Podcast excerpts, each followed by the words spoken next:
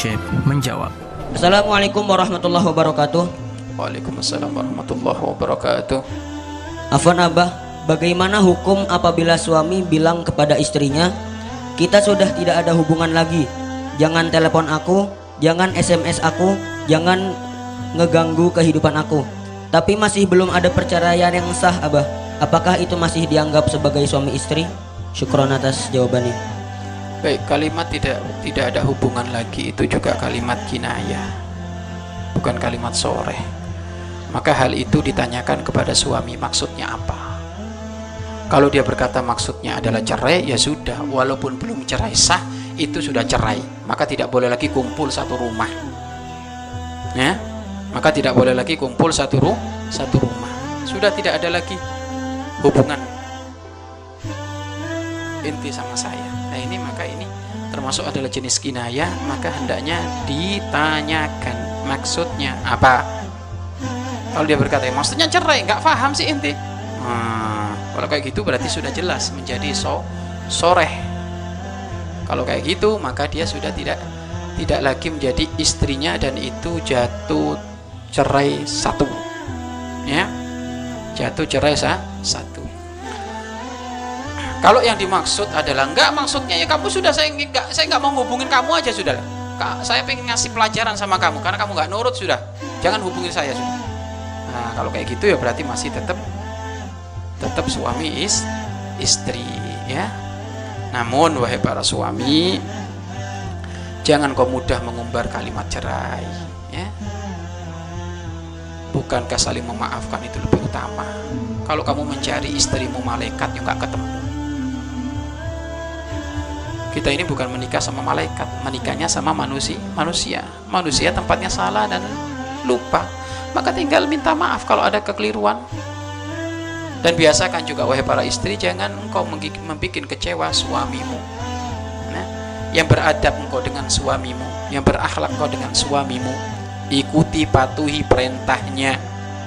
Nah, jangan sekar bedewek. Ada seorang istri itu sekar bedewek akhirnya ya dibikin dewekan sama suaminya karena sekarang pedewek sih. Nggak mau ikut aturan suruh sholat nggak mau. Suruh sudah dibilang jangan biasa gunjung orang masih saja. Suka ngerumpi ini terus wah ya kalau kayak gitu ya dikasih pelajaran saja. Baik jadi wahai para suami jangan mudah mengucapkan kalimat cerai ya. Karena hal itu termasuk adalah bukan kelebihan yang baik jadi laki-laki yang suka mengumbar kalimat cerai itu bukan laki-laki yang baik. Laki-laki yang baik itu apa bisa membimbing istrinya yang tadinya kurang baik menjadi semakin baik. Ya. Kurang kona'ah menjadi ahli kona'ah. Kurang syukur menjadi ahli syukur.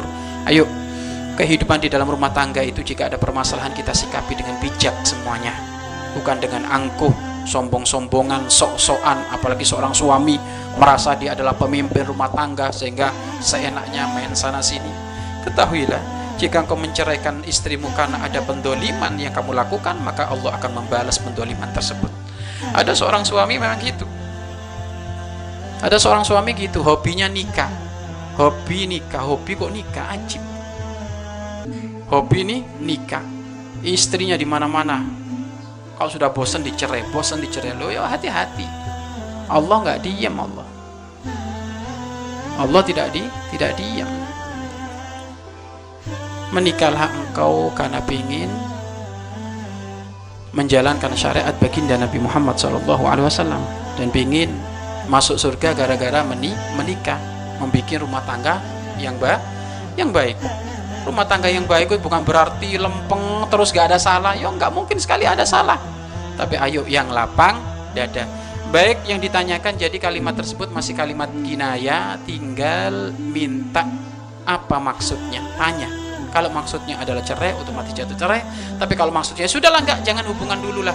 Pokoknya jangan nelpon nelpon saya.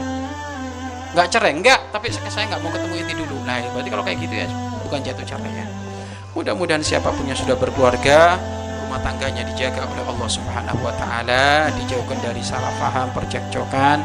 Yang ada sakinah mawaddah warahmah. Amin amin ya rabbal